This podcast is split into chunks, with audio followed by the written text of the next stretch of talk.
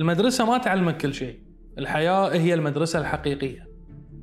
هالجملة دائما أسمعها وشبه أحسها صح خصوصا لما أفكر في مواضيع ما تعلمناها في المدرسة. صدقون إحنا ندرس 12 سنة في المدرسة وأربع سنوات في الجامعة؟ 16 سنة دراسة. يمكن تعادل ربع حياتنا في هالعالم عشان نتخرج ونشتغل. ولا واحد في 16 سنة يقول لنا شلون ندور شغل. للحين وإحنا في سنة 2020 في ناس تطرش سيرتهم الذاتية بإيميلات أساميها مثل دمعة حزن، بحر الحب، خادم العترة.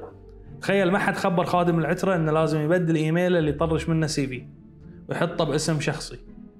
وتعال عاد شوف الكارثة لما تفتح الإيميل وتنصدم إنه مطرش السي في صورة 16 سنة دراسة ما في مادة تعلم السنة لحظة لحظة قبل لا أحد يزعل ويعصب تقنعني إنك ما شفت شباب كبار ما يعرفون يسولفون في مجالس ريايل؟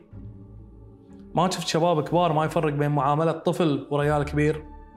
ما شفت شباب كبار ما يعرفون ياكلون في مطعم؟ ما شفت شباب كبار ما يفرق بين التعامل مع المرأة والرجل؟ ما يعرف ينتقي حديث على حسب المكان اللي هو فيه وعمره ما سمع عن لكل مقام مقال؟ أنا مو هني عشان ألومهم بس أبي أوصل فكرة إنه مو دائما نقدر نعتب على الحياة إنها ما تعلم.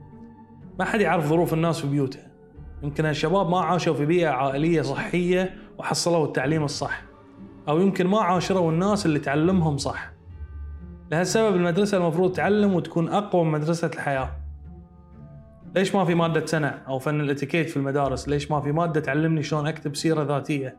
وشنو لازم ألبس في المقابلات وشلون أتكلم؟